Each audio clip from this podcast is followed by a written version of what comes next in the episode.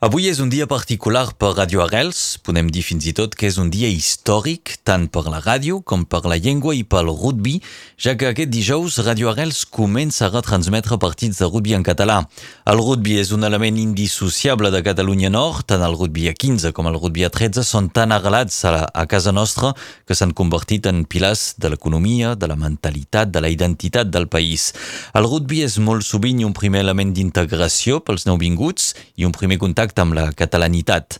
Radio Arrels i Ampli Productora s'associen per oferir-vos els partits dels dracs i de l'USAP en català, un esdeveniment que no hauria estat possible sense la Plataforma per la Llengua. Avui parlem amb la directora de la Plataforma per la Llengua, la Neus Mestres. Molt bon dia.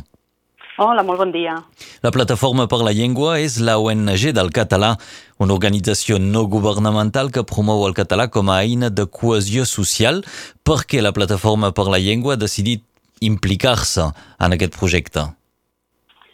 Doncs perquè creiem que és un element clau eh, i que podrà ser doncs, la manera de tenir doncs, més impacte en millorar la situació del català i l'ús del català, sobretot de les persones de la Catalunya Nord, perquè creiem que eh, el rugby és una bona entrada, és un element que les persones que es volen integrar a la Catalunya Nord, doncs, eh, evidentment, entraran en el, en el món del rugby i, i entenem que tindran interès mm, i creiem que és molt important en aquest sentit que puguin escoltar les retransmissions dels partits en català.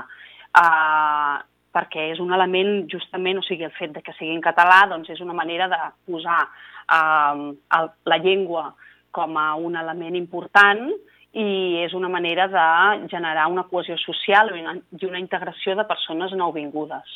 Mm -hmm. Doncs bé, gràcies a la vostra aportació i a la iniciativa d'Arrels i d'Ampli Productora, avui comença una primera retransmissió, però n'han de venir moltes més, no? Heu, uh, heu establert un calendari d'unes 30 retransmissions a l'any, tant dels dracs sí. i de l'USAP.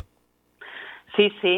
Uh, sí, un partit cada setmana i la idea és que, clar, això són bastantes hores de retransmissió, creiem que és molt important realment que, que hi hagi doncs, aquesta possibilitat que mm, tots els oients puguin sentir els partits en català, eh, creiem que és important poder fer aquest patrocini d'aquestes hores de, en directe de retransmissió dels partits, i, i esperem que vagi molt bé i que molta gent ho escolti, perquè a més a més, vull dir, Ràdio Arrels eh, teniu molts oients i a banda de felicitar-vos pels 40 anys que celebreu aquest any, oi? Gràcies, sí, sí. I que crec que feu una feina molt important que, que a més a més, doncs, poder-ho retransmetre en català és, és, bé, és un element molt important que ajudarà a que molta gent prengui consciència de la importància de poder utilitzar aquesta llengua tan rica i que, a més a més, doncs, eh, pot això, pot afavorir aquesta cohesió i aquesta integració mhm. social. Uh -huh. Els qui coneixen Catalunya Nord ho han vist molt ràpidament, eh, que la catalanitat és molt associada també en aquest, eh, en aquest rugby, sigui el 13 o el 15, i pot semblar curiós que mai fins ara eh, s'havia retransmès cap partit de rugby en català per la ràdio o la televisió aquí a Catalunya Nord. A, a, al sud sí que hi ha televisió, en, hi, ha, hi ha rugby en català per la televisió, hi ha alguns equips, eh, fins i tot l'USAP, quan ha jugat a, a Catalunya Sud, ha estat retransmès en català. Sí, uh, el que passa és que uh, també hi ha aspectes a millorar en aquest sentit, o sigui, jo crec que a, veure, a la Catalunya de Sud sí que es retransmet en català algunes vegades, però cada vegada tenim més problemes també per, per tenir els drets d'emissió, per exemple, doncs TV3, que pugui retransmetre partits de, de futbol també en català, eh, costa molt i és molt important que realment i, i que no hi hagi dificultats de poder triar l'opció de sentir i d'escoltar la retransmissió en català. I això és molt difícil de trobar, eh? Cada vegada costa més. Mm. Allà és veritat que el rugby no té el pes que té aquí, allà el futbol diríem que és l'esport uh, rei. Uh, sí que hi ha ràdio, hi ha retransmissions uh, dels partits en català per la ràdio, el problema és la televisió. Sí. Sí, més aviat a la televisió i de poder posar l'opció d'escoltar-ho en català. És difícil. Hi ha fins i tot gent que el que fa és posar alhora la televisió i la ràdio perquè per la ràdio sí que ho fan en català i per la televisió no i la imatge llavors la veuen per la televisió i, i el so el senten per la ràdio. Vull dir que, però això ja ha de ser, doncs, això, una, un, que persones proactivament busquin la manera, no? I, I això no fa que surti per defecte i que persones que no, que no hi tenen interès o que no s'ho han plantejat, doncs no facin aquest gest. Uh -huh. el, el futbol per la llengua catalana ha estat una mica sinònim de, de modernització de la llengua perquè ha calgut inventar també un vocabulari. L'aparició del català en, en, en l'esport ha, ha fet un pas endavant? Bé, jo crec que sí. Evidentment, eh, tot, tot, en tots els àmbits en què es desenvolupa un vocabulari nou eh, és un creixement per la llengua i un enriquiment. Vull dir que el fet de que s'utilitzi doncs, vocabulari esportiu eh, norma, amb normalitat, doncs fa que vagi consolidant-se aquest vocabulari i que, i que a més a més doncs, pugui a més a més ser útil per, per aquestes retransmissions també de, de rugby en mm -hmm. català. Aquí hi ha un vocabulari de rugby molt arrelat a la població, mm -hmm. perquè tots els qui són aficionats de rugby eh, en parlàvem en català, doncs, i aquesta manera mm -hmm. de fer una retransmissió també serà d'alguna manera conservar aquest vocabulari que no es vagi perdent, per això també pot ser interessant, perquè al cap i a la fi el rugby eh, aquí és un, és un moment d'afirmació del sentiment de catalanitat i esperem que això també es noti en aquestes retransmissions. Deixem un moment l'esport, perquè la, evidentment la plataforma per la llengua és molt més, seu presents a tot el territori dels països catalans. A la vostra web, per exemple, podem veure campanyes eh, que, que van d'una punta a l'altra del país, per exemple, també la Volem l'escola en el Garès, doncs veiem que siguem ben presents. Aquí a Catalunya Nord hi ha una altra campanya que volem destacar, la Guia Cat Nord.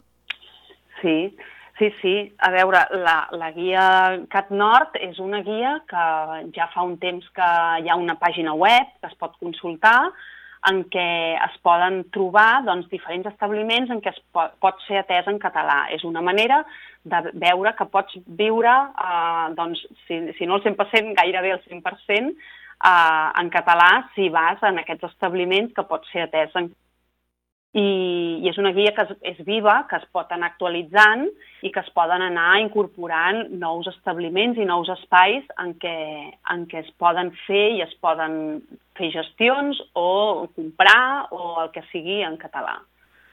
Doncs cadascú pot connectar amb la web eh, d'aquesta guia el, el CatNord. Sí, guiacatnord.cat, podeu, podeu entrar-hi i utilitzar la guia perquè, a més a més, és, doncs, això, és, és una guia molt útil que, que pot servir per això, per estar, doncs, eh, fins i tot doncs, potenciar aquells establiments que ofereixen aquesta opció. Uh mhm. -huh.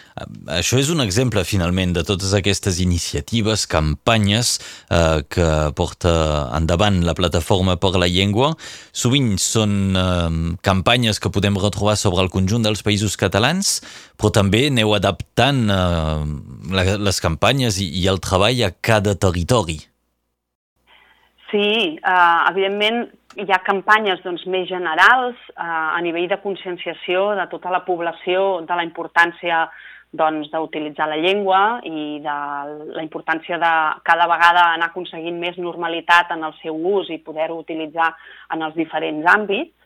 Mm, i, I, per exemple, doncs, un exemple d'això és la campanya de Som 10 milions, que és una campanya que, bé, ara ja fa més d'un any que, que l'estem que l'estem proposant i que n'estem fent difusió, que és una campanya que el que promou és això, no? Eh, el fet de que mm, la llengua té, el català té diferències o formes diferents de parlar i fins i tot noms, com n'anomenem a la llengua en els, a les diferents parts de tot el domini lingüístic, de tot el territori, però en canvi és una mateixa llengua, no?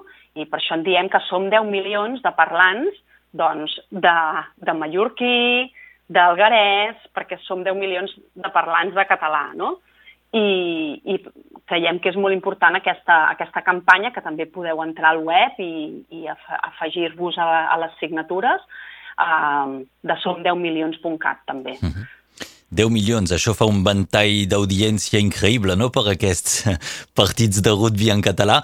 Ara potser també cal fer la, conèixer aquest esport un poc més a la resta del país. I tant, i tant. Esperem sí, que sí, aquestes sí. retransmissions també ho permetin. Doncs recordem que Avui, en directe, començarà el partit a les 20 hores 45, les 8.45 del vespre, USAP Biarritz, un maig, un partit amb aires de quarts de final, que doncs, en cas de victòria l'USAP podria jugar la semifinal a casa. Radio Arrels posa en plaça un dispositiu especial. El programa serà conduït per la Laura Bertran des dels estudis i connectarem amb, amb l'estadi Emé Giral, on hi retrobarem el Sebastià Girard i el Gregori Sansa. És, doncs, el primer dia que farem una retransmissió en català, el primer de molts més. També podem anunciar ja que hi haurà una retransmissió dels dracs catalans el 17 d'abril a les 6 de la tarda, Dragons Catalans Salford. Us donem cita ja i donem moltes gràcies a la plataforma per la llengua i la seva directora, la Neus Mestres, per haver-se implicat en aquest projecte, sense qui doncs això no hagués estat possible. Moltes gràcies. Moltes gràcies a vosaltres i molts èxits.